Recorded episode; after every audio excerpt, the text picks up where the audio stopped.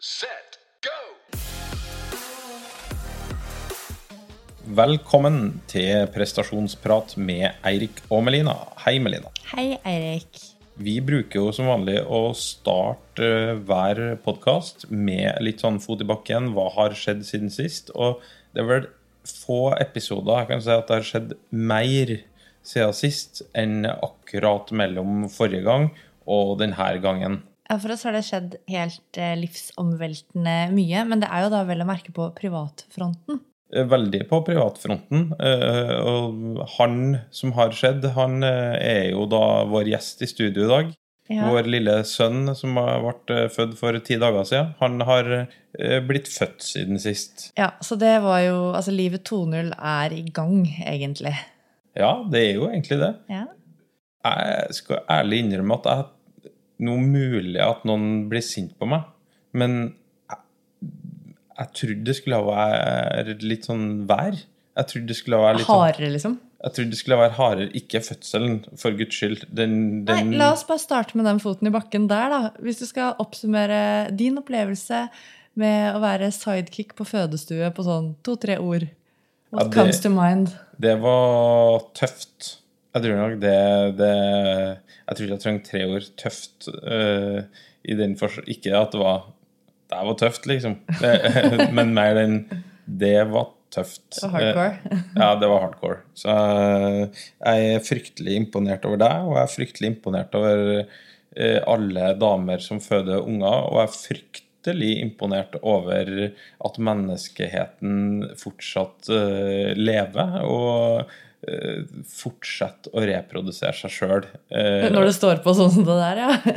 Ja, så uh, Dere, altså din eh, del av arten menneske, altså den kvinnelige delen, dere må ha dårlig hukommelse, eller et eller annet sånt. Vi får jo en sånn supernice hormoncocktail og oksytocinboost som bare er helt ut av en annen verden da, når du setter en kid i verden. Så når vi satt liksom eh, etter eh, hva skal man si, forløsningen, og vi liksom fikk litt mat og debrifet litt hva som hadde skjedd, da, hva som hadde skjedd, da holdt jeg jo allerede på der og da holdt på å glemme det som hadde skjedd en halvtime før.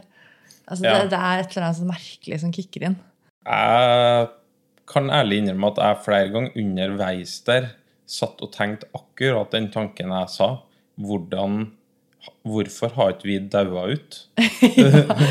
altså, det, det her eh, Jeg tenkte sjøl, jeg bare fy fader, det her er så vondt at det kan ikke være riktig. Men så kom vi jo veldig bra ut på andre siden, og alt gikk jo etter boka. Sånn sett i retrospekt, og sett i papirer og snakket med diverse.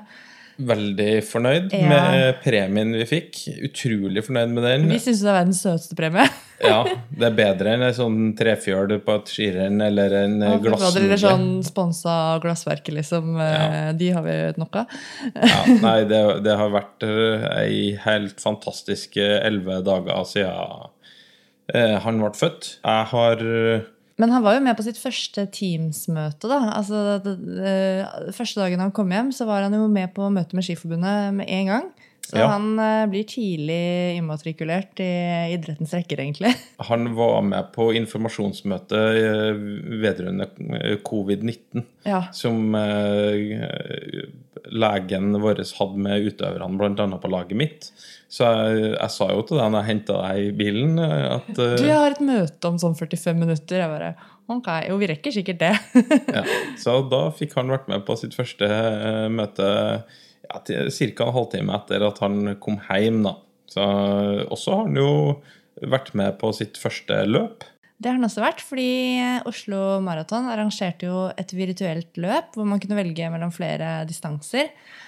Og det het jo da 17. mai-raton, og vi visste jo egentlig, eller skjønte jo ganske nært fødselen at det blir nok bare oss på 17. mai, ikke den store hyggelige feiringen som vi egentlig pleier å være med på ut på Høvik.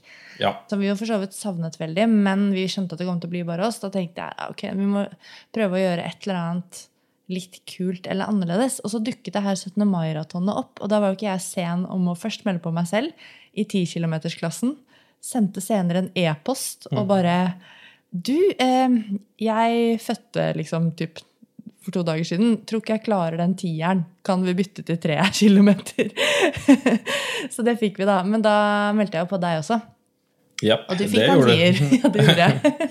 Så da Hva var jeg Ja, jeg var for så vidt Det var jo veldig hyggelig, det. Jeg var jo ikke sånn at jeg var negativ til det, jeg var veldig positiv til det. Ja. Da- Vi tenkte jo at det ville vært et, vært et fint tidspunkt på å få seg en økt. Ikke for min del, men sånn noen, noen i familien får rista litt på beina og huet. Ja. Og der, Vi har jo tidligere hatt en eh, episode om søvn, Ja. og jeg fikk jo ordentlig kjenne på hvordan søvnmangel da. Det, her her var jo på et tidspunkt hvor sønnen vår da var fem dager. Han har vært hjemme i, i to dager. To og en halv dag. Eh, og hadde ikke sovet fryktelig mye. Ikke Nei, for Første natten turte du nesten ikke sove. Nei, jeg, altså, jeg sovet lite, ikke sovet lite fordi at uh, jeg var til så veldig hjelp til noen ting. Det var ingen som strengt tatt hadde så veldig behov for meg, men jeg lå jo våken og bare titta på han og var nervøs for alt. Men øh, jeg fikk jo kjent på det den 17. mai der og den 17. mai-raton, den 10 kilometeren, at guri land og rike, eh, hvor tungt det var. Altså, det var, var nok ei tung løype jeg Du hadde valgt deg en tung løype. Det hadde du som var kupert, og også gikk delvis mye på grus. Jeg gikk bare på grus, Eh, Ja, egentlig. bare på grus. Og så har du den pollenallergien din og alt det der. Men, men likevel så er- Du kjenner forskjell på den økta hvor du har sovet. Og selv om det er en tung løype og det er pollenallergi, og det å ha søvnmangel, det er en annen form for tretthet, og at det, svarer jo ikke på samme måten. Det svarte ikke i det hele tatt. Så Jeg var sinnssykt imponert over at du gjennomførte, jeg. Og vi heiet da.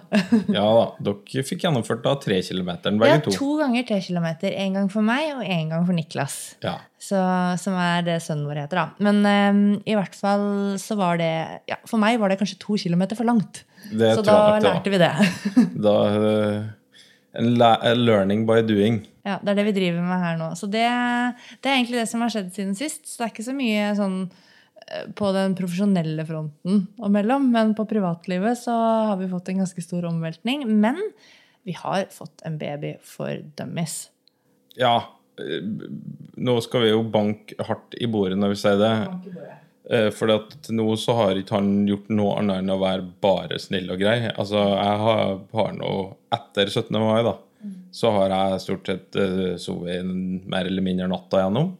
Det har òg like mye med at jeg våkner ikke verken av brannalarm, atomkrig eller uh, togavsporing. Ja, du er jo Eh, livsfarlig. så, eh, men du har jo vært litt mer våken enn meg, da. Det Ja, vet da. jeg jo. Ja. Så i og med at du ikke har hatt noe behov for at jeg At skal se på at du ammer, eh, og han eh, Niklas da har vært så elskverdig å vente til utpå morgenskvisten før han liksom virkelig fyller opp bleien, som da har blitt min jobb. Uh, Blitt bleieskiftarbeider, vet du. ja, Men da har jo det dere kaller for guttastemning på badet. det er guttastemning. Men jeg, jeg slipper jo å gjøre det på natta, for Ja. han driver jo ikke med sånt på natta. Han slekter jo på far sin. Han eh, gjør ikke så mye annet enn å sove på natta og spise litt, da. Så foreløpig så koser vi oss egentlig bare kjempemasse og er nyforelsket i både hverandre og vår lille baby. Og den Vi har fått en veldig fin start. Alt kommer sikkert til å gå i perioder. Og apropos perioder Det, den, For en Segway! Jeg var usikker på hvordan om du kom til å naile det her. Oh, take it away, da! Du ødelegger du. Men eh, du, det, den var jækla bra. Ja. Apropos perioder, ja. Eh, så har jo vi hatt på blokka en god stund at periodisering har vært et tema som Mm. vi ønska å lage en podkast om. Så eh, Vi begynner på en måte med denne episoden fordi det er et stort tema. ja. Og vi kan ta for oss på en måte mange ulike idretter og egenskaper. Styrke versus Ja. utholdenhet og sånn. Så vi begynner med denne, da, folkens. ja, og som omhandler utholdenhet. Ja. Det har jo òg med at vi kanskje, i hvert fall til sammen, er nok bedre på utholdenhet enn vi er på styrke. Så når vi skal komme tilbake med styrke, Da har vi allerede faktisk hanka inn en veldig bra gjest. Det har vi. I tillegg så har vi rukket å lest oss litt mer opp på periodisering innenfor styrke. Men først nå periodisering innenfor utholdenhetstrening. Enjoy! Hva mener vi med periodisering, og hva betyr det? annet enn at det er et uh, treningsprinsipp. Og da begynner jeg med et uh, quote fra vår faktisk gamle professor Asbjørn Gjerseth på Norges idrettshøgskole. At periodisering det er en inndeling av lengre treningsperioder i hensiktsmessige kortere perioder med ulike mål, og dermed som oftest noe forskjellig innhold, i den hensikt å nå toppformen til ønska tidspunkt. Jeg syns jo litt sånn uh, quotes fra bøker kan være litt sånn vanskelig å, å forholde seg til. I mitt hode så betyr det her altså det, Periodisering handler om planlegging av trening i den hensikt å nå en toppform. Ja, og så er det jo sånn at vi planlegger jo sånn at vi bruker treningsprinsippene. Altså bruker egentlig alle treningsprinsippene i den planleggingen. Og sånn sett så er på en måte periodisering er selve hjørnestenen i treningsplanlegging. Det som er litt vanskelig med periodisering, er egentlig at det, det mangler et godt sånn vitenskapelig grunnlag, faktisk, hvis man begynner å gå inn i treningslitteraturen og titte på hva som fins der. Det er fryktelig masse case studies. Veldig mye case studies. Ja. Eh, av enkeltutøvere eller av små treningsgrupper. Eller så er det også intervensjonsstudier, altså treningsstudier. La oss si at du og jeg var i hver vår gruppe, og vi skal trene på to forskjellige måter, og så blir det sammenlignet og hvem kommer best ut, og hvem får best prestasjonseffekt, og hvem får best effekt på VO2 max og styrke osv. Og, så og studiene der varer rundt, altså varer fra rundt seks til de lengste kanskje 24 uker. Men ofte så ligger de rundt sånn seks til tolv uker, som er veldig kort tid. Når vi tenker på at periodisering er jo noe vi bruker egentlig over et helt treningsår, og kanskje til og med en olympisk syklus, som er noe vi har vært inne på tidligere. Ja, og, og mm, når du er inne på uh, OL her, da. Altså, du har jo en veldig interessant case study. Marit Bjørgen er jo studert. Mm. Altså Tidenes vinterolympier er jo studert.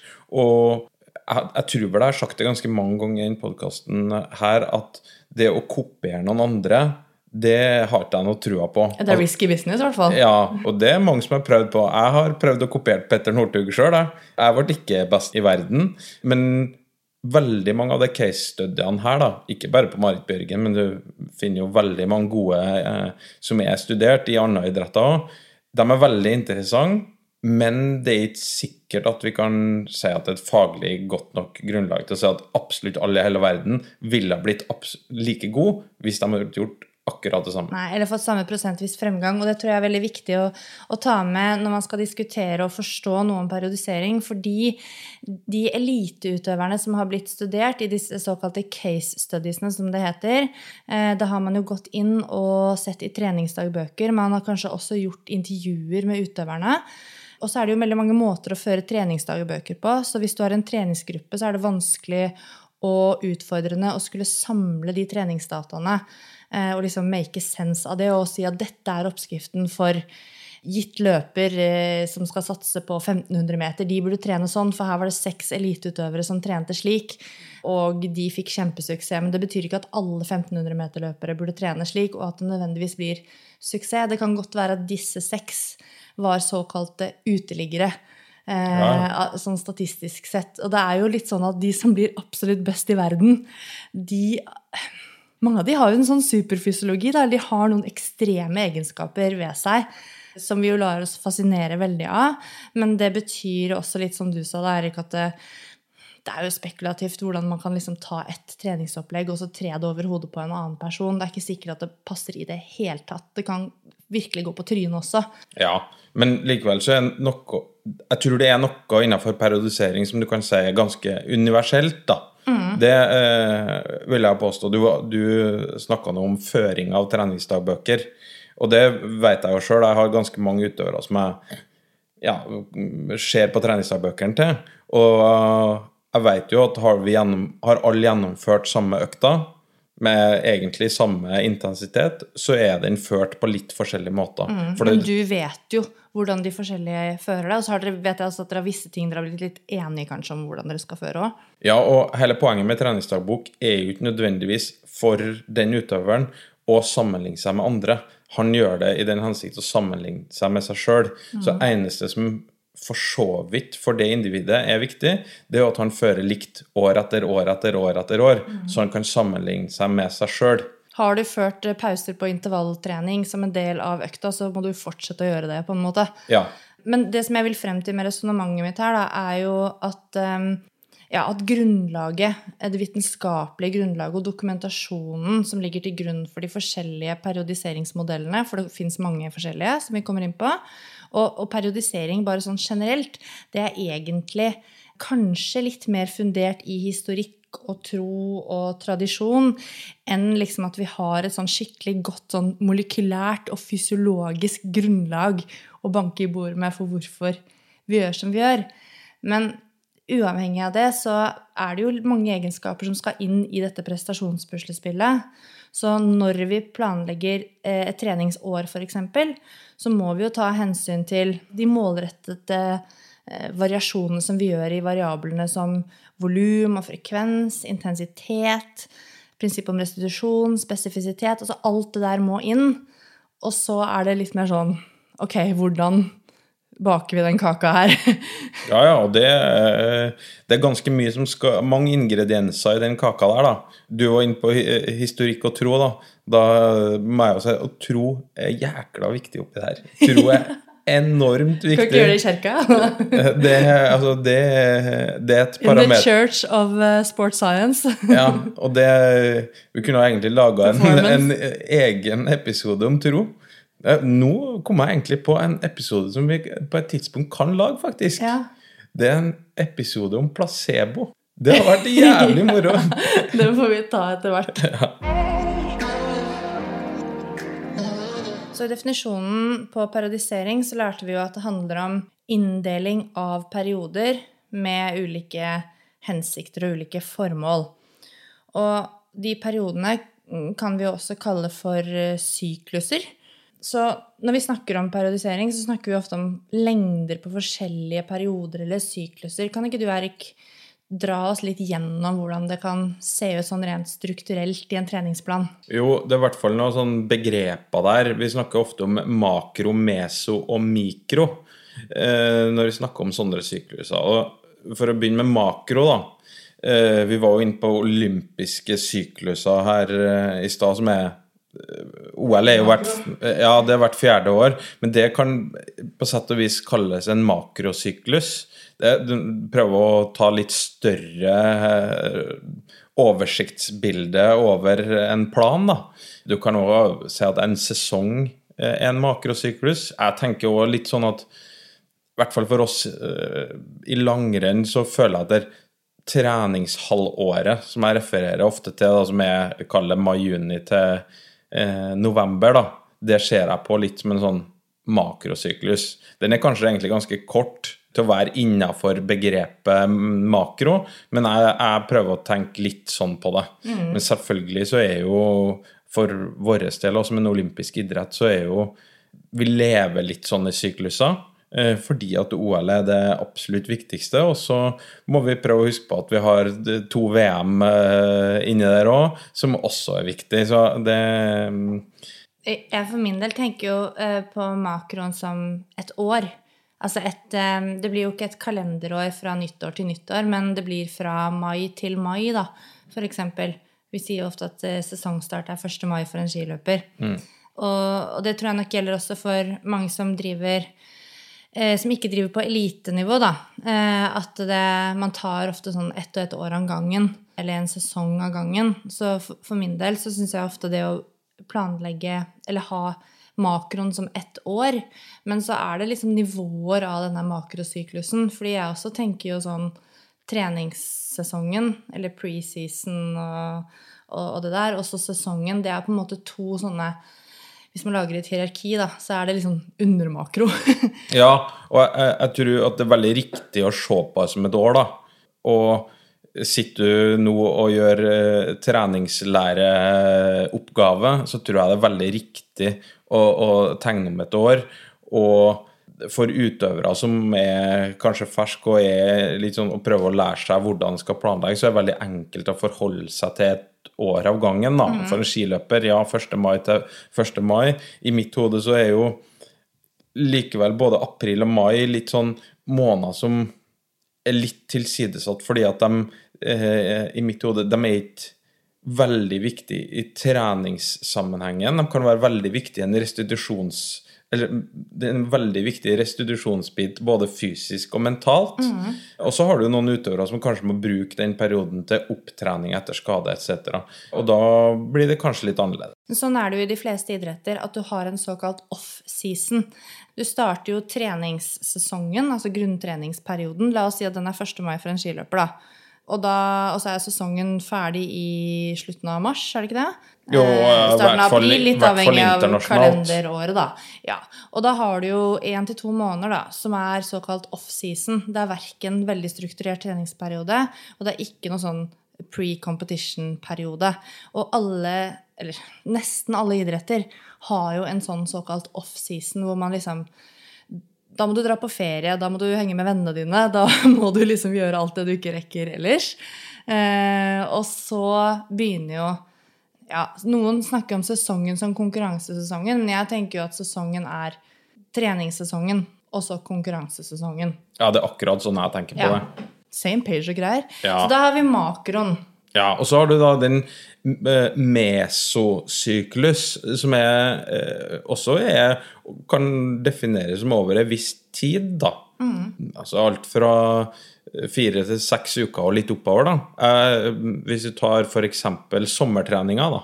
Som til oss er jeg sier juni, juli og august, da, da. Tar med de tre månedene, så ser jeg på det som litt sånn en mesosyklus.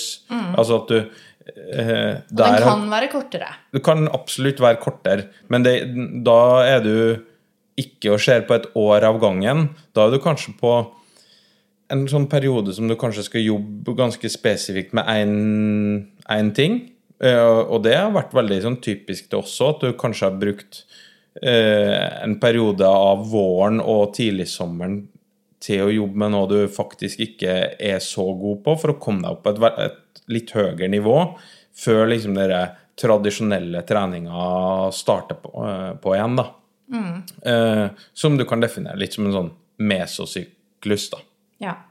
Så det kan jo da være uker, eller det kan bli til måneder, litt avhengig av hvordan man legger det opp, og kanskje hva slags makro man har lagt over der igjen. Ja. Um, men så kommer vi ned på stadig liksom mer detaljert nivå, da. Mikrosyklusen, hvordan kan den se ut, f.eks.? Ja, det kan typisk være ei, ei uke. Eh, samlingsuke, eksempel, er jo en veldig lett definerbar mikrosyklus. Absolutt. Eh, og likeens uke etterpå, eh, som også er like viktig, eh, med tanke på at da skal du kanskje hente deg inn etter samling igjen. Så at Og det er jo ikke sånn at det må være en uke, det kan være ni dager, det Ja, kan ja. være fem dager, men det er liksom det er veldig lett å relatere seg til ei uke. På Ja. samme måte som på makrosyklus så er veldig lett å relatere seg til eh, en sesong. Så er det lett å relatere den mikrobiten til ei samling eller ei, eh, eller ei uke. Og så eh, I tillegg til de treene her, makro, meso, mikro, så kan du jo eh, gå helt ned på øktnivå Ja. hvis du skal se på sykluser. da. For det blir jo det som er eh, Som vi kaller liksom ofte husker den, vi brukte uttrykk mye i Lynski, at det, liksom, det er detaljplanen. Ja. Eh, hva skjer i morgen? Hva skjer i overmorgen? Og det, da har du på en måte gått hakket på et enda mer, liksom mindre nivå, eller zoomet mer inn. Du har zoomet inn i mikrosyklusen, som kanskje er en periode på en uke, da. Og så ser vi ok, hva skjer på de forskjellige dagene. Men da er vi jo på den dag-til-dag-planlegginga, da. Ja, for den, alt fra mikro og mindre enn det, da. Da er du på veldig detaljnivå. Mesosyklusen er kanskje ikke så detaljert planlagt. Det er mer som det store bildet, og i hvert fall makrosyklusen. Ja, det Er, er fugleperspektiv. det er veldig fugleperspektiv, og så går det jo mye mer i detalj og kommer inn, i hvert fall innenfor utholdenhetsbiten, så kommer du inn på eh, pauselengde, draglengde, fart eh, etc. Der vil jeg bare skyte inn, da. I den episoden her så forholder vi oss jo liksom først og fremst til utholdenhetsidrett. Vi tenkte jo egentlig at vi skulle liksom snakke veldig sånn generelt og, og kanskje komme inn på andre egenskaper, snakke om styrke og power og sånn. Eh, men så har vi jo landa liksom på at det er så svære temaer, da. Og det er liksom spesifikke ting å ta tak i på hvert tema. Så nå blir det jo egentlig litt sånn rent utholdenhetsfokus, selv om vi kommer inn på andre egenskaper òg. Absolutt. I mange av eh, våre tidligere episoder av Prestasjonsprat så har vi hatt en sånn fast spalte som heter Fysiologitimen. Eh, det er ikke alle episoder hvor det passer helt supert å ha med veldig mye fysiologi. Ei heller den her. Men akkurat nå skal vi ta og forklare ulike periodiseringsmodeller, og det ser vi på litt som denne episodens eh, fysiologitime. Ja, og så passer og ikke passer. Vi kunne jo selvfølgelig dratt inn mye fysiologi her, men som jeg nevnte tidligere, så er det ikke sånn, det ikke sånn supergodt fundament og to streker under et svar på hvordan de ulike periodiseringsmodellene faktisk fungerer på kroppen. Men det som jeg kommer til å gjøre, er å, som dere som lytter på episoden kanskje har sett, legge ved en rekke rekke med deilige, nydelige linker til studier for dere som har lyst til å dykke inn i eh, enzymer og AMPK og mRNA og andre småtterier som kan påvirkes i kroppen, som for noen av dere kanskje hørtes helt gresk ut nå. Så da trenger ikke tenke så mye på det, men jeg vet at det er mange som er interessert i liksom, mekanismene og detaljene bak. Så det ligger bakgrunnsstoff eh, nedover på, i hvert fall på iTunes. Eh, på iTunes-kanalen. Å dykke inn i AMPK hørtes veldig uh, ikke bare snork? ja. Det er jo interessant, men det, det, det er ikke alle som, som deg som dukker inn i små molekylære ting og sluker det, da. Nei. I hvert fall Tradisjonell lineær periodisering er liksom det første vi skal ta for oss. Når en modell starter med tradisjonell, så betyr det at den har vært ei stund. Og her har vi en gammel Jupiter som heter Arthur Lydiard. Eller Arthur, sikkert. Jeg. Eh, jeg vet ikke om han heter Arthur. Det, tror ikke han heter Arthur. nei. Eh, han er i hvert fall en av verdens eh, kanskje mest innflytelsesrike løpetrenere. Og han formaliserte denne modellen for en del tiår siden. Den kjennetegnes av lav intensitet og høyt treningsvolum tidlig i sesongen. Og husk, nå er vi da, Hvis vi da ser på sesongen som en, et slags sånn eh, i et makroperspektiv Nå er vi i treningshalvåret. Vi er i starten av treningshalvåret. Mm. Tidlig i eh, makrosyklusen. Mm. I og med at vi har definert det nå, så skal jeg bruke Pedagogen selv. Yes. Og etter hvert som sesongen eh, gikk, så blir det, eller går, så blir det introdusert trening med stadig høyere intensitet, med intervaller etc. Eh, ganske nært sesongen så introduseres det intervaller på bane, som starta med lange drag, som eh, ble korta ned etter hvert som konkurransesesongen nærma seg. Denne modellen på sett og vis passer for de fleste, vil jeg si. Ja. Jeg kunne jo sagt det her ligner jo veldig på det vi gjør, Mm. og det kommer seg sikkert til å si på alle modellene. Det, det, er ting her som ligner veldig på hverandre, men vi prøver å forklare de store linjene her. Jeg tror jo også at um, Altså, vi har jo tidligere sagt at trening liksom Det er grenser for hvor komplekst og komplisert man bør gjøre det, da. Eh, Definitivt. og, og dette med lineær, eh, tradis eller tradisjonell lineær periodisering, for å bruke det riktige navnet, det er en modell som passer for veldig mange. Fordi at eh, det handler jo om å først eh, bygge en god base, og så gjør du ting Etter hvert som du blir bedre trent til å tåle mer og hardere trening, så gjør du mer og hardere trening. Så går du over i mer spesifikk trening, og så kommer det noen konkurranser. Så Ja. det er jo veldig sånn det, Jeg føler det er, det er veldig logisk, men jeg syns ikke de andre modellene er noe mindre logiske, egentlig.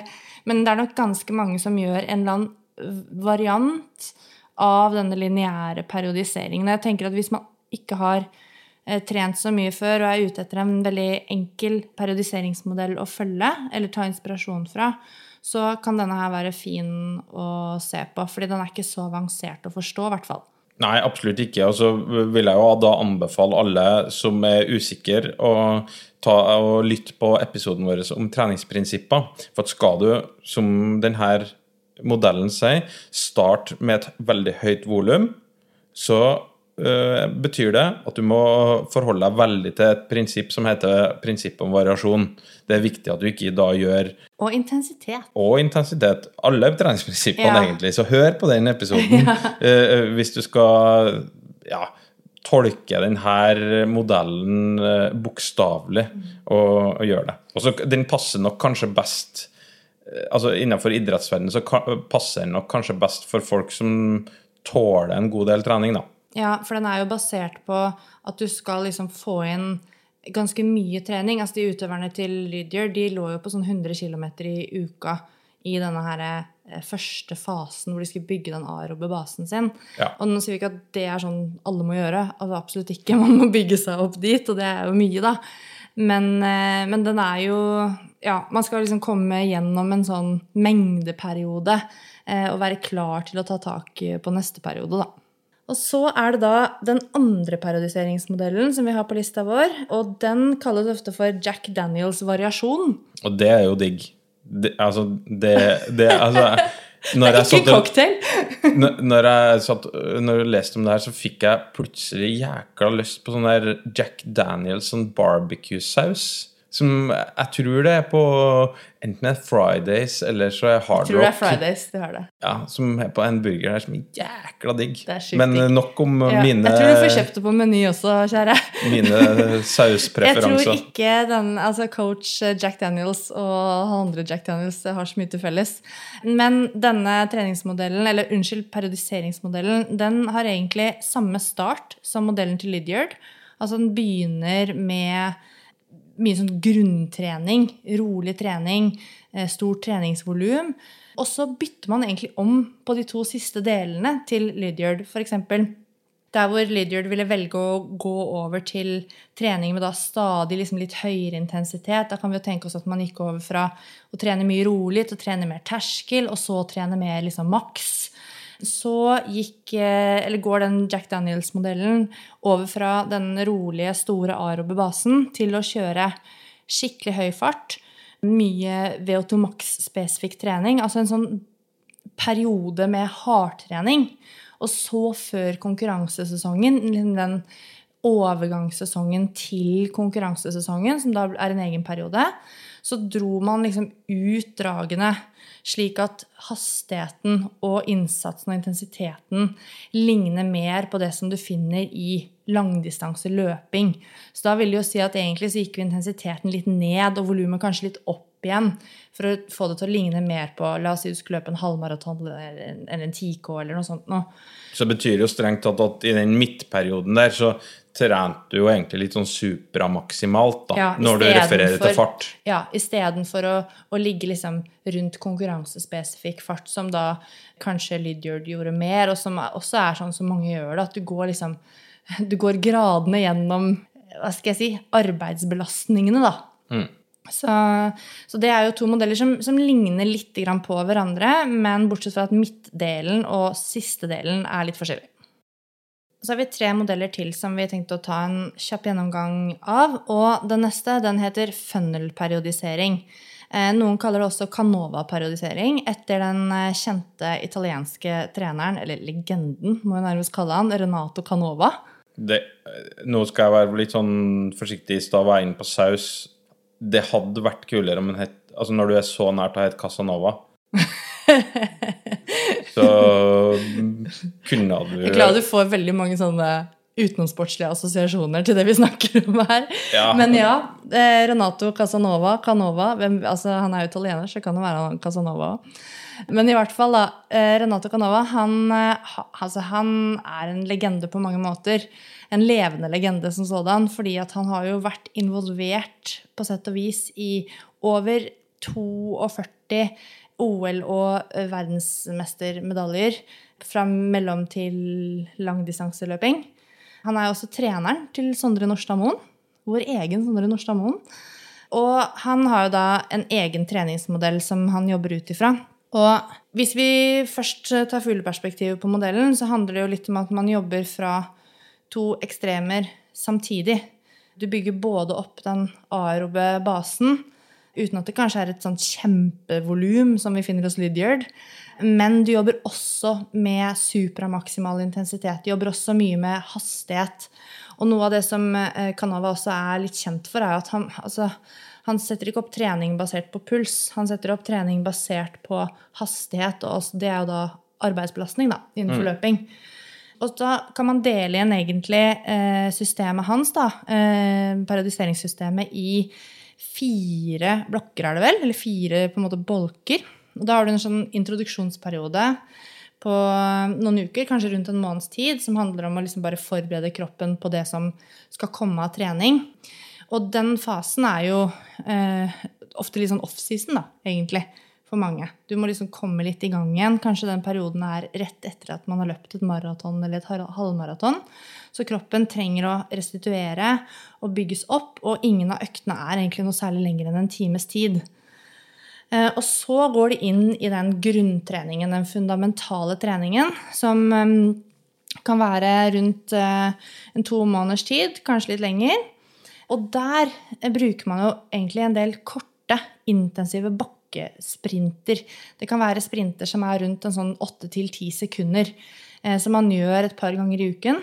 Og Canova mener jo at det er viktig at man har denne supramaksimale innsatsen eh, med jevne mellomrom, selv som langdistanseløper som ikke konkurrerer på den intensiteten og hastigheten vanligvis. Sånn at man ikke skal liksom bli rett og slett sånn dau i muskulaturen og beina. Så han prøver jo liksom å kjøre på skikkelig sånn fyring av nervesystemet. da. Det er jo litt sånn hurtighetstrening slash eh, styrketrening på et vis, i og med at eh, det er en bakke. Power, i hvert fall, da. Ja. Mm.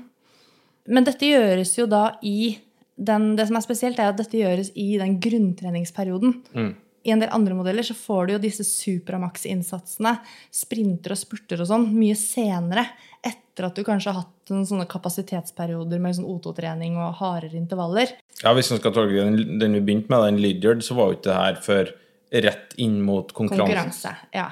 Og det er jo sånn som mange jeg kjenner, gjør, gjør det også. Eh, men så er det jo, ikke sant, her har vi Canova, kjempesuksessfull trener, som da har disse her korte spurtene og sprintene ispedd treningen i grunntreningsperioden. Så da handler det om å få brukt de raske mm, muskelfibrene og bli god til å engasjere de, sånn at du også kan bli god til å avslutte løp. Dette er kanskje viktigst for de som løper i felt og altså sånn, konkurrerer på høyt nivå, da. Definitivt. Så det, det, må man jo kanskje vurdere litt, og hvilket nivå man er på. Hvorvidt det det er en strategi for deg. Og så er det også et poeng å liksom trene på å løpe stadig lengre på en høy hastighet i den fundamentale perioden. Så ofte så gjøres en del av løpinga på litt mer sånn moderat intensitet til høy intensitet. Sånn 80-90% av maratonfart. Som er ganske fort for det her folka som ja, han trener. De løper jo fort. Ganske... De ligger ikke på fem blank på kilometeren. Nei, Nei. det å springe på 90 av maratonhastigheten til Sondre Norstad det, det, er ikke veldig mange i Norge som klarer Nei. i mange minutter. Altså. Men ja, man kan springe på 90% av sin egen maratonhastighet. kan man Definitivt. gjøre. Og så går det over i en sånn eh, special phase, som man kaller det. Eller en mer sånn spes spesialfase, som er to nye måneder. Og da er det stadig mer sånn spissa så treningsvolumet blir litt redusert. Og så kanskje man bruker en del konkurranser som er litt sånn ikke kjempeviktig. Du stiller ikke der med liksom toppa form, men du bruker konkurranser som en del av treningen. Eh, som det er en mer sånn spesifikk trening. Eh, og også litt som en sånn formsjekk. Og så har du den fjerde fasen, som er den spesifikke perioden. Og det er jo da den absolutt siste. Og da all trening du har gjort fram til da, det er egentlig forberedelser på den spesifikke perioden. Og da handler det om at da skal du trene på en fart som er altså alltid er fra 90 og opp da, av maratonfarten din. Eller halvmaratonfarten. Så det er en eh, Det er jo en slags eh, Det er en sånn blanding av eh, klassisk periodisering og litt blokker inni her, egentlig. Ja, det er litt mer litt av alt. Uh, ikke det er feil, misforstå meg riktig når jeg sier at det er litt av alt hele tida, da. Men det er litt mer sånn, da. Mm. Og så er det ikke uh, Du har ikke den helt, helt rolige treningen versus den helt harde treningen. Altså det er ikke like selv om jeg sa innledningsvis at man jobber med to ekstremer, så er det ikke like polarisert på samme måten som du finner da i Lydiard sin modell. Nei. Sånn at det er nok mer det som folk vil kjenne igjen og oppleve som kanskje terskeltrening, da. Ja, definitivt. Eh, ok, Siste som vi hadde tenkt å ta med på vår eminente periodiseringsmodelliste her nå, det er blokkperiodisering. Og det er et litt sånn en litt sånn nyere modell sammenlignet med de andre. Den er jo en slags bølgende periodisering, den òg. Litt større bølger? Ja, litt større bølger, kan du si. En blokkperiodisering er ofte bygget opp av sekvenser på én til fire uker.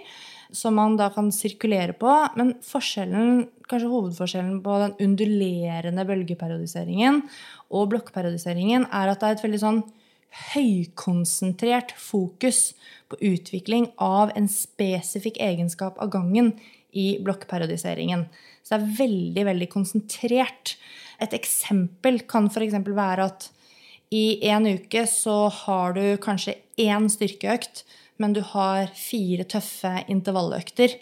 Og så har du kanskje tre tøffe intervalløkter i neste uke, fortsatt én styrkeøkt. Men kanskje uka etter der igjen har du kanskje bare én tøff intervalløkt og to styrkeøkter.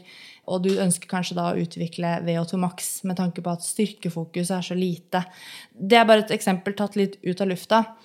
Det fins jo en gruppe på Lillehammer som har forska ganske mye på eller kanskje noen av de som har forska mest, på blokkperiodisering. Ehm, det er en gruppe som er ledet av Bent Rønnestad. Så jeg anbefaler dere som ehm, eh, er interessert i å teste blokkperiodisering og lære mer om det, og lese de referansene som Eh, som jeg legger under her på denne episoden. Eh, for der er det veldig mange forskjellige eh, måter egentlig å angripe blokkperiodiseringen på. Og så er det litt sånn blokkperiodisering for hvem? Fordi at vi ønsker å ut, liksom, skape superstimuli da, på noen fysiologiske egenskaper. F.eks. VO2 max. Eller styrke og power. Og I langrenn så er jo, er jo blokkperiodisering først og fremst brukt innenfor altså, Argumentet for at det er brukt, er jo brukt innenfor kapasitet. Ja, som er underforstått VO2 maks. Og så har vi jo um, holdt på å si Ref. Marit Bjørgen igjen, da, som du snakket om tidligere. Hun var vel kanskje blant de første til å liksom som man har, i hvert fall av norske utøvere, da, som man har ordentlig god dokumentasjon på at har gjennomført blokkperiodisering over lengre perioder. Definitivt. Også, og, og, nå er jeg kanskje historieløs, men det er i hvert fall i den perioden at det bevisste meg i forhold til eh, trening etc. begynte å funke. Da, og, og, da husker jeg jo på, og har jo lest det òg i det siste Eh, case-studien case altså, hun brukte jo mye såkalt blokkperiodisering, i, i hvert fall i første del av hennes karriere som skiløper, der hele poenget var liksom å ha stort fokus på kapasitet i perioder. At du kanskje da kjørte 5-14 dager veldig, veldig tøft, mm. med mye hard trening, intensiv trening, med påfølgende periode med ganske lite av det. Mm. I den hensikt å øke kapasiteten, øke prestasjonsevnen gjennom å få såkalt superkompensasjon. Altså du bryter ned kroppen eh, gjennom tøffe, tøffe hardøkter eh, som gjentas, og så gir du kroppen hvile og restitusjon til å bygge seg opp til et ja, enda høyere nivå enn utgangspunktet. Mm. Og Det er jo egentlig litt av poenget dette med kompensasjon. Da, som snakker om, det er jo egentlig litt av poenget med alle periodiseringsmodellene. det er poenget med trening. Ja, poenget med trening. At vi ønsker å bryte ned, og så må det komme inn en periode sånn at vi får bygget opp igjen. Og får da akkumulert flere sånne overkompensasjoner i da fysiologisk tilpasning til trening over tid, sånn at vi etter hvert kan stå igjen da når det virkelig gjelder, når vi skal pike formen, og da skape en superkompensasjon og få ut ditt beste. Og da er jo tanken det med at hvis du da lager høykonsentrert stimuli på noen egenskaper, så får du en, eh, en treningsadaptasjon som ligner mer på en superkompensasjon, som er et sånn ekstra stort og godt eh, resultat da, av treningen, eller en god, ekstra god effekt, sammenlignet med å få disse overkompensasjonene som vi forventer av mer tradisjonell eh, lineær periodisering, f.eks. Mm. Eh, men dette her med blokkperiodisering Min erfaring eh, Jeg har jo testet det selv. Jeg har jo prøvd en av disse protokollene til eh, Rønnestad. Jeg lot meg jo eh, holdt på å si forelske og fascinere av at der var det Eh, det står jo eliteutøvere, men, men det var i hvert fall eh, skiløpere med relativt høy VO2 max fra før, da. Som hadde da klart å få en ytterligere økning. Jeg husker ikke hvor mange prosent det var, men det var i hvert fall såpass at jeg tenkte ok, dette må testes. I tillegg så hadde jeg jo også full timeplan på NIH på skolen. Og vi hadde også samlingsopplegg så det, i Lyn. Sånn at det gjorde at det passet egentlig ganske sånn bra på papiret, i hvert fall, med blokkperiodisering. Eh, med å bolklegge hardøkter. Så jeg hadde vel en fire-fem hardøkter i uka. Og lite trening. Eh, og mye skole. Eh, og så hadde jeg tre hardøkter uka etterpå. Intervaller, altså. Og så hadde jeg én intervall den siste uka. Og da, den siste uken så hadde jeg jo da litt mer rolig trening. Og så gjentok jeg jo disse sekvensene etter hverandre. Og det gikk jo Jeg hadde jo kjempefin fremgang det året hvor jeg klarte å liksom rendyrke det, og det passet veldig bra med det andre i livet mitt. Men året etterpå så ble det egentlig total, da ble totalbelastningen høyere. Og det å følge også et klubbopplegg gjorde at ikke jeg kunne liksom rendyrke det like mye. Og da, det var også kanskje det året jeg hadde mest overbelastningsskader i underekstremiteten. Og, og det er også litt sånn det jeg ser med å ha hatt utøvere som har testet blokkperiodisering. Eh, hvis du ikke rendyrker det Du kan ikke på en måte i den uken hvor du har, skal ha lite trening, eller unnskyld, lav intensitet på treningen, kan du ikke bare liksom dytte inn helt enorme mengder med trening fordi det er den uka du bare skal ha én hardøkt. Fordi uka etterpå skal du faktisk opp og ha fire-fem hardøkter igjen. Mm. Så du må være restituert til det. Og det er ikke bare liksom fordi du kanskje får um, Noen føler at de trener også veldig lite i den uka hvor de har fire hardøkter. For det er få økter på planen. Mm. Men det er ikke bare liksom å slenge på litt sånn, en liten itere her og en liten ekstra eh, rolig økt der. Og ja, kanskje måker inn en ekstra styrkeøkt bare fordi man føler at man trener så lite. Um, nei, altså, altså i, i, et prestasjonsperspektiv Da funker det ikke, da, er poenget. Nei, og i et prestasjonsperspektiv så er jo ei heller bare VO2 max som er viktig. Absolutt ikke. Uh, det helt klart i langrenn og utholdenhetsidrett så er jo det en, en sterk predikator. Det ja. er jo, er ikke noe tvil om Her er det bare et eksempel, da. Ja. Og det med blokkperiodisering Altså, jeg, jeg er jo en sånn hva jeg har kalt meg, jeg er jo en forsiktig optimist er på det. Mm. Eh, og, og, som jeg alltid sier, en planlegger for suksess, en planlegger for at du klarer å gjøre alt perfekt. da. Uh, og det fordrer jo at i den perioden hvor du, du, trener veldig intensivt, at du klarer å hente deg inn da òg. Det er klart, du kan se fram uh, to uker fram i tid, og at der er det jeg skal hvile, så nå kan jeg bare gønne på. Men det er lett at du bekker over kanten, da. Ja. Du skal litt sånn kontroll, del, kontroll på det der. Og er en ting vi vet i forhold til sykdommer etc. Altså hardøkta skal du absolutt ikke ha. Eh, kanskje skal du ikke trene i hele tatt, men du skal i hvert fall ikke ha hardøkta. Altså, hvis du får sånne ting og blanda inn i det der eh, Det er litt mer sårbart, egentlig. Det er litt sånn eh, litt som å trene ja. et eh, styrkesplittprogram. Eh, hvis, det på en måte ikke, hvis ikke den ene økta ble noe av, da, mm. så mister du så mye av treningsstimuli. Sånn at det er kanskje mindre, et mindre sårbart opplegg eh, å, å ikke blokklegge treninga, i tilfelle livet skjer. Samtidig så Altså, jeg har jo jeg har på en måte tro på det fordi man har sett gode resultater i forskningen. Jeg har opplevd gode resultater selv. Men jeg er usikker på om det er en bærekraftig måte å trene på over lang tid. Altså over flere år. Jo, men det, det, er jo det her trening egentlig handler om. da. Her har vi liksom sittet og snakka om veldig mange forskjellige måter å periodisere på. og Så eh, sitter jo jeg egentlig med en følelse at det, tar du litt av all her, så kommer du egentlig fryktelig langt. da. Jeg òg har veldig trua på det med blokkperiodisering, at du i en periode kan få en superkompensasjon av, av det. Mm. Og det gjelder på mange ting. Altså, ikke bare fysiologiske faktorer, men du kan ha I den perioden her skal vi jobbe fryktelig mye med padling, mm. f.eks.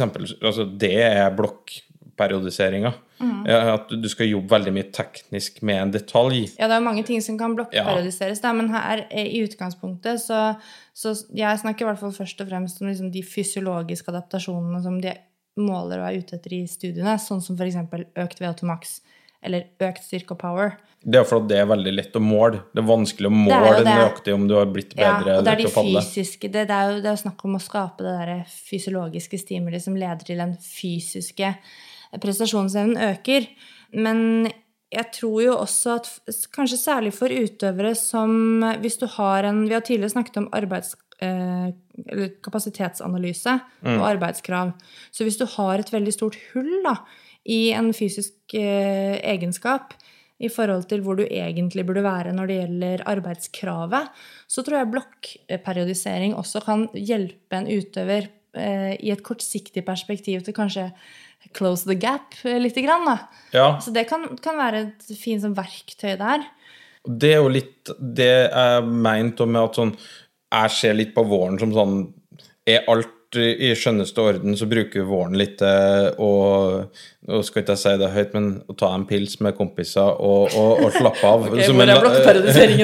Som en langrennsløper. Men det er samtidig en sånn fin periode, våren, starten på sommeren, til å jobbe ganske intensivt med eh, en svakhet, eller et høl i kapasitetsanalysen. Styrke, for eksempel. Ja, og at du da bruker den perioden ganske ja, Bruk det som eh, blokkperiodiser det. da, At du gjør det ganske mye. fordi at da på et tidspunkt når du skal hvis du gjør i hvert fall litt sånn tradisjonell eh, trening, da, når du skal i gang med å gjøre masse tretimere i tillegg til IT-intervaller, i tillegg til ditten og datten, så har du ikke plass til fem eh, intensive økter i padling samtidig. Nei. Men at du har brukt da den eh, aktive restitusjonsperioden faktisk til å komme opp og dekke det hullet. Så når du setter i gang med tradisjonelle treninger, så har du kanskje ikke dekket det helt, men du har i hvert fall kommet opp på et høyere nivå på en egenskap som du mangler litt på. Og det tror jeg det veldig, passer veldig fint både på individuelt nivå, altså individuell idrett, men også kanskje i lagidrett, i perioder hvor man trener uten laget sitt, og du vet at du har ting du må jobbe med ut, altså uten, utenom lagtreningene, da. Så kan det jo det også være et verktøy der. Men jeg tror også at i veldig sånn taktisk-tekniske idretter, altså lagidretter, da, hvor du må trene på systemer sammen i basket, fotball, håndball, hockey du, Det er så mange ting og egenskaper som skal trenes på for å få et lag til å fungere og ha synergiene på plass. Og, eh, og mange strategier som man må egentlig befatte seg med da, når man skal trene et lag. Og i tillegg så vet vi jo at det er mye ja, i fotball for eksempel, og håndball. Det er jo kjempemasse kamper hele tiden. Og, og tennis òg, for så vidt, som er individuell idrett.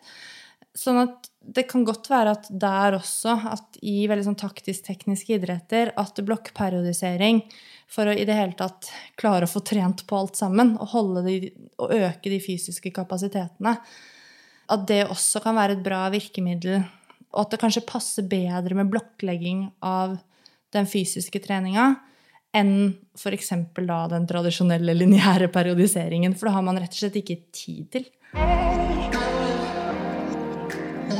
Som vanlig så har vi fått inn eh, veldig mange gode spørsmål fra dere lytterne. Det er vi evig takknemlige for. Det gjør det lettere for oss å vite liksom hvor vi skal ha fokuset. Eh, Jeg, tror jeg stiller deg det første spørsmålet. Første av tre spørsmål. Tre spørsmål i dag. Ja, kjør på. Det, jeg stiller litt, kanskje litt annerledes enn det jeg stilte, da, men periodisering for hvem? Hvem er det som har nytte av å, å tenke at treninga mi må jeg sette uh, i system gjennom periodisering? Ja, jeg tenker at alle trenger i hvert fall litt system og en form for struktur på treningen sin. Hvis man ønsker fremgang eller å klare å vedlikeholde, altså ikke bli mindre mer svak. Men akkurat det med periodisering og det å følge modeller, ta inspirasjon fra modeller, blande modeller og det man nå kan finne på å gjøre med periodisering, det tenker jeg gjelder først og fremst, det er først og fremst relevant for de som trener prestasjonsrettet. De som har et sånn mål, OL-gull, liksom, eller Ja, eller Det trenger ikke være OL-gull heller, da. Det er jo veldig få av de menneskene i verden. Men du og det OL-et ditt. Jeg skjønner at det står i tankene på deg. Det er ikke Beijing og 2022 helt ennå, men eh, ja. Eh, Nei, det kan være at man ønsker å perse på 10 km, at man Hvis det er viktig for deg, og det er et eh, attraktivt treningsmål å få ned tida di fra å løpe på eh, 50 minutter og ned til 45 minutter, som kan høres veldig enkelt ut, men det er en solid jobb som skal gjøres der, altså du har et prestasjonsmål, så tenker jeg da har du nytte av Kan du ha nytte av periodisering, men um, først og fremst så tenker jeg jo at det er for idrettsutøvere, de som satser og ønsker å trene prestasjonsrettet. Både for de som driver med lagsport, de som driver med styrke- og poweridretter. Det er ikke så ulike modeller innenfor styrke og power som i utholdenhet, men vi skal jo som sagt ha en egen episode på det. Men alle som trener prestasjonsrettet. Og så fins det jo veldig mange mosjonister som trener prestasjonsrettet. Og vi har jo fått mange varianter av dette spørsmålet du stilte meg nå, da. Om eh, jeg er en, eh, bare en mosjonist, er det noe vits for meg med periodisering? Eh, og så er det noen som er en mosjonist som trener seks timer i uka. Og noen er en mosjonist som trener 16 timer i uka. Det er forskjell på folk innenfor mosjonistkategorien også. Så jeg personlig tenker jo at hvis du, hvis du trener en fire til seks timer i uken, så er det viktig å ivareta prinsippet om variasjon. Men jeg er usikker på hvor mye man egentlig skal gå inn og aktivt periodisere treningen, slik som vi har tegna opp nå. For det er rett og slett litt lite kanskje tid å gjøre det på. Ja, og, og da er det kanskje viktigere å høre på den første podkasten vi laga, som omhandla eh, VO2 Max. Ja. Og liksom der snakka vi om at tren, jo mindre du trener eh, i uka, jo viktigere er det faktisk å ta i Ja. eh, litt jevnlig.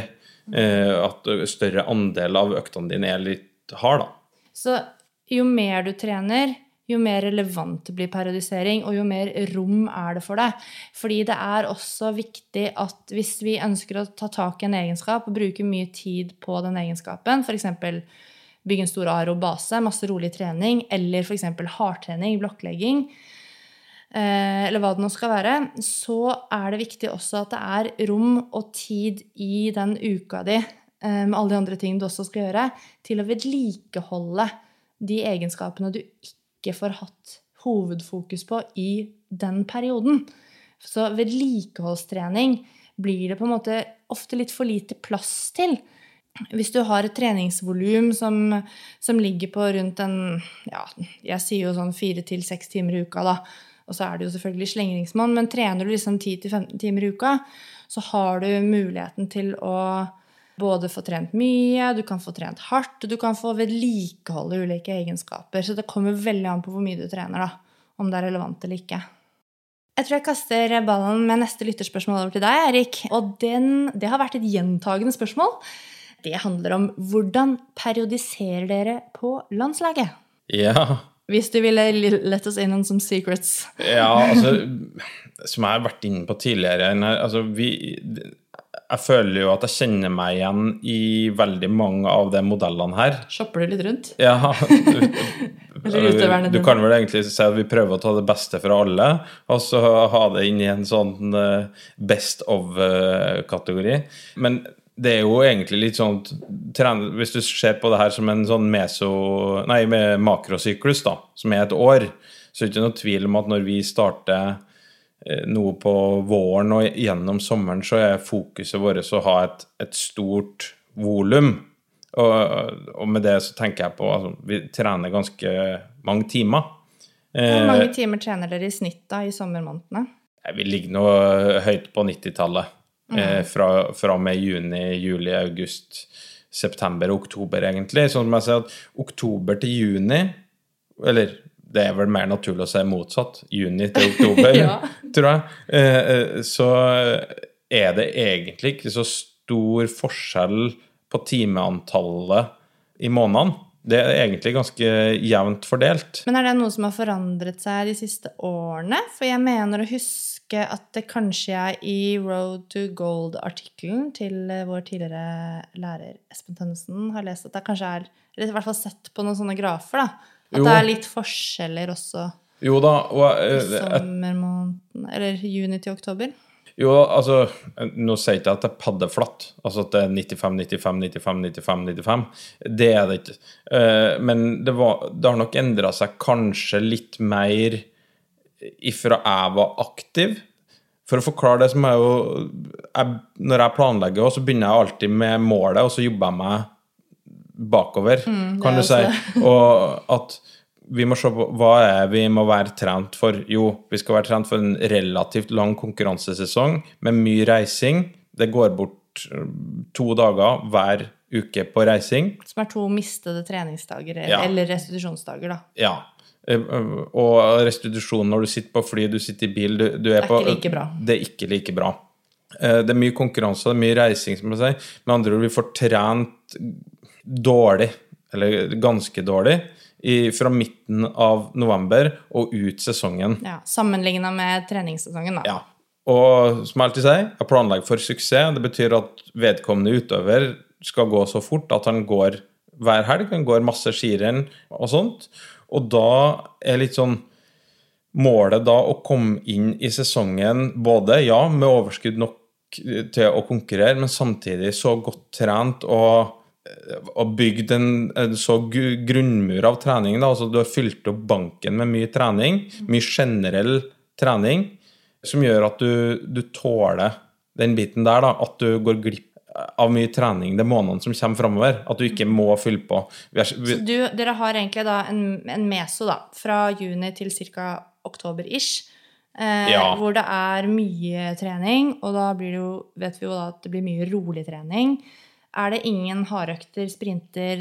Hvordan ser det ut Jo. inni mesoen der? Du må dele opp den mesoen i to, egentlig. Der du tar sommeren, og så tar du høsten. For det er ikke noe tvil om at sommeren De to er ganske Både sommeren og høsten er relativt like i timeantall, men sommeren er, er roligere. De hardøktene du kjører da, er fortrinnsvis veldig kontrollerte. Volumet kan være ganske høyt. altså Vi har lange økter. Det kan være seks ganger ti, også mer, egentlig. Eh, Men det med kontroll For dem som er opptatt av intensitetssoner, så er vi mer da på såkalt I3. Mens utover høsten så kommer jo gradvis høye, eh, altså snittintensiteten skrus til. Men dere trener likevel like mye? Eller? Ja, sånn at hvis du den, Strider ikke det litt imot noen prinsipper vi har? Treningsmengden, da, Ja. vil jo kanskje økes. ja.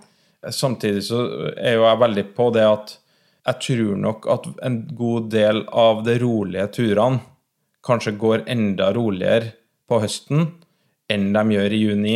Mm, så dere blir litt mer polariserte, for å bruke de faguttrykkene. Definitivt. Og så øh, er det jo klart at det er spesifisitetsprinsippet at jo, jo nærmere vi kommer konkurransesesongen, jo mer må vi borti konkurransehastigheten. Mm. Og der er du litt Lydyard og litt eh, Jack Daniels-miks.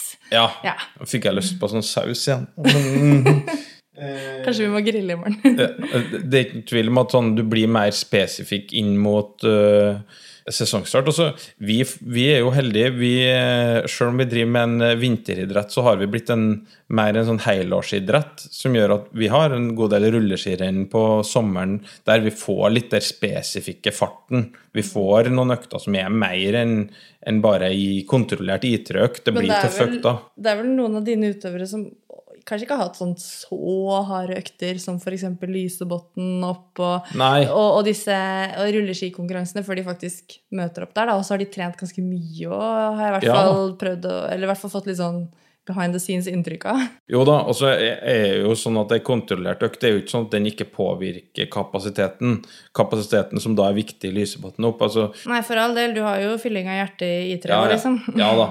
Sånn at eh, vi får, eh, vi får trent eh, bra likevel, om vi ikke er oppe i de aller tøffeste intensitetene gjennom sommeren. Hvordan løser dere eh, trening i konkurransesesong, da? Bare for å ta det sånn på tampen av spørsmålet. Nei, du, ja, altså eh, Da må det, det må jo noe vedlikeholdstrening til. Ja, og det er jo det du i beste fall klarer. Er jo det å vedlikeholde treninga. Så vi prøver å trene når du kan. For å dra liksom det ganske langt, da. I sesonger hvor vi har mesterskap, så har vi jo veldig god erfaring med såkalte pre-camp-periode. Det vil si at du tar ut et lag ganske tidlig, som da har muligheten til å få trent litt. Ikke, trenger ikke å konkurrere, i en periode, men ligger da på samling og trener i forkant av et mesterskap. Det tror jeg er en kjempefordel. Ja. Vi må jo snakke om formtopping i en egen episode, sånn ordentlig, ordentlig. Ja. Men uh, det, jeg tror det er en kjempefordel å uh, liksom Bare det å vite at jeg er tatt ut om x antall uker, så skal jeg i ilden. Jeg kan begynne å forberede meg nå, istedenfor å jage form til uttakskonkurranser som er nært et mesterskap, da. Ja, for det er ikke noe tvil om at harde økter, som en konkurranse er, det brenner lysa litt i begge endene. Det tar av det, Da er det å hente i banken, som du har satt inn trening i gjennom sommeren og gjennom høsten. Hver gang du liksom går helt i kjelleren på en konkurranse, så er du ute og henter ut fra banken. På et tidspunkt så Du ønsker ikke å gå tom i den banken. Så en sånn pre-camp, det tror jeg er veldig viktig for å hente altså, Fylle på igjen i den banken, sånn at du har mulighet til å kanskje få en sånn superkompensasjon som vi tidligere har vært inne på her, da. Ja, det tror jeg også. Vi snakket jo om i forhold til eh, han godeste Casanova eh, at eh, man, man kan jo også bruke konkurranser som en del av treningen når det nærmer seg. Og det gjør man jo. Man sier jo at eh, man konkurrerer seg i form og går seg i form. Og det kan du gjøre til en viss grad. Eh, Men en konkurranse, uansett hvor seriøst du tar den, og hvor viktig den er eller ikke, den vil alltid koste mer enn å stikke ut hjemmefra på en vanlig intervalløkt eller å kjøre en distanseøkt eh, for deg selv eller med treningskompisene dine. Fordi at det er, som, det er forberedelser på en annen måte. Ja, og, og e- en ting til da, som er faktisk et aspekt til oss, er jo at veldig mange har ikke muligheten til å såkalt konkurrere seg i form. Hvis du går et dårlig skirenn som norsk skiløper, så lever du da i fare for at du ikke får gå neste skirenn. Fordi at blir ikke tatt ut i verdenscup. Nei, altså du lever litt såpass høyt er nivået. Det er veldig mange som konkurrerer om det samme, ganske få plassene. Og dermed så har du litt sånn kniven på strupen hver helg. Det er ikke sånn at du må vinne hver helg, men veldig mange har ikke råd til å gå flere dårlige skirenn på rappen. Litt annerledes nå enn det var kanskje i de sesongene hvor Petter var på sitt beste, hvor han var kanskje strengt tatt den eneste sannsynlige gullmedaljevinneren da, i noen sesonger. I hvert fall sånn som var litt mer bankers. Ja, og da hadde jo han muligheten til å, å gå dårlig før jul, eh, og, og likevel bli tatt ut til Vi visste liksom at det var en del av greia. Ja, og, og jeg skal være ærlig Jeg tror det var en veldig stor fordel for Petter. Jeg tror jo det hadde vært en fordel for enkeltutøvere nå, men når jeg vet jeg har så mange som faktisk kan ta gull Bare se i, i, i Seffelt, det er veldig mange potensielle til å ta medaljer. Og jeg kan ikke ta ut uh, 15 stykk i en tropp som skal være på åtte. Og dermed så har du ikke muligheten kan si at det er luksusproblem, men det er jo også veldig tøft for utøverne. Um, Ja. Og du har jo også hatt det samme i, uh, innenfor f.eks. Uh, ja, jeg husker jo noen scenarioer for noen år tilbake når det gjaldt eh, mesterskap innenfor friidrett, hvor det var utøvere som sant, Du må klare ikke bare det internasjonale kravet, du må klare det nasjonale kravet, som da Norge og Olympiatoppen setter. Og så må du kanskje jage sånne krav da, for å klare å kvalifisere deg. Og um, det er så mye som skal klaffe i en konkurranse, da. Så, det er, eh, så sånn sett så, så er det måten å bruke konkurranser på. Ja, du kan gå deg i form, men hvis det blir snakk om laguttak og sånn, så blir det liksom en litt annen ballgame. Vi dro jo temaet periodisering Nå- nå veldig vi det langt her, veldig men. Men vi tar neste spørsmål, da. Og det er I hvilken alder anbefaler dere å begynne periodisering av treningen? Spesielt når det gjelder utholdenhetstrening. oi. Huh. Det tror ikke jeg har et sånn konkret svar på. Jeg tror Vi kan ikke si åtte år. Også. Nei. Uh, nummer én for at jeg ikke tror at det er åtte år. Uh, og nummer to for at eh, det vil være politisk ukorrekt. Men jeg tror jo at uh, foreldre periodiserer jo på et vis for aktive unger fra ganske tidlig. Altså at du i perioder Nå er det starter fotballtreninga, så blir det naturlig mye fotball. Du har høstferie, og Gjør du noe tar annet med familien. ja, du har med ungene da på, til Torsby og går på ski, så blir det sånn perioder eh, inni der, egentlig. Eh, og det, det, Jeg tror nok kanskje at det er litt sånn bølgeperiodisering. At uh, hvis du driver med friidrett, fotball og langrenn, da, så bølger litt sånn fram og tilbake hva du holder på med. Men det er jo på en måte en litt sånn Det er ikke deliberate. altså Det er en ustrukturert uh, form for periodisering sammenlignet med det som vi planlegger for for litt eldre utøvere, da. Ja, og jeg tror jo at du må har vært deg idrett, og det handler litt sånn om modenhet på en utøver òg. At det er først når du kommer opp i junioralder at du begynner å bli moden for å, å trene nok, da. På ja. et vis innenfor den, en spesifikk idrett til at du Og det handler jo også om ikke bare moden sånn rent mentalt, men at du er Altså den biologiske modenheten din ja. også tilsier at eh, nå er vi på et sånt nivå at det er hensiktsmessig å skulle prøve å skape litt mer sånn større stimulier på enkelte egenskaper og bruke periodisering. Og en siste ting på den, det, som jeg tror er et veldig godt argument Sjølskritt akkurat der. Eh, men jeg tror liksom, I hvert fall i Norge så er vi veldig opptatt av det med bevisste utøvere. Skal, de skal ha et bevisst forhold til hva de gjør, og kjenne på kroppen hva er det her gjør med treninga Hva er det treninga gjør med kroppen min? da? Og jeg tror det er først når du begynner å være i junioralder at du kan begynne å gjøre deg opp en mening. Ok, nå har jeg trent tøft en periode, da kjenner jeg meg sånn. Ok, det, det funka jækla bra, eller det funka jækla dårlig ok, da gjør jeg et bevisst valg på at det skal jeg være litt forsiktig med. Mm. At du begynner å ha en viss eh, læring, da, og junioralder er jo først og fremst altså en læring. periode der du skal lære kroppen din å kjenne hva gjør ulikt stimuli med min kropp. Ja. Ikke hva gjør det med nabokroppen, og der men med min si kropp. At det er veldig, eh, selvfølgelig, det fins noen eh, eksempler på noen utøvere, individuelle utøvere, som har trent særdeles systematisk fra de var veldig små. F.eks. Jakob Ingebrigtsen. Da. Men igjen, da, det er jo noen som er liksom uteliggere, sånn rent statistisk. Eh, og eh, ja, at det har vært en interesse, og ting har klaffet fysisk, fysiologisk, og man har fulgt barnets og ungdommens utvikling, og motivasjonen til det barnet ungdommen har vært der hele tiden, da fungerer det. Men jeg er veldig skeptisk på generelt grunnlag til at la oss si at jeg var idrettstrener for eh, en gjeng med 14-åringer, og så skal jeg tre ett periodiseringsopplegg over hodet på hele den gjengen. Det tror jeg er å be om, om problemer. Eh, da er det noen som kommer til å ja, holdt på å si falle fra, da. For at ja. det vil One size does not fit all. Det er veldig viktig, og det er derfor både du og jeg er så opptatt av at den juniorperioden er nettopp en læringsperiode til det som kommer. Altså du skal lære deg hva som funker for deg innen du blir senior.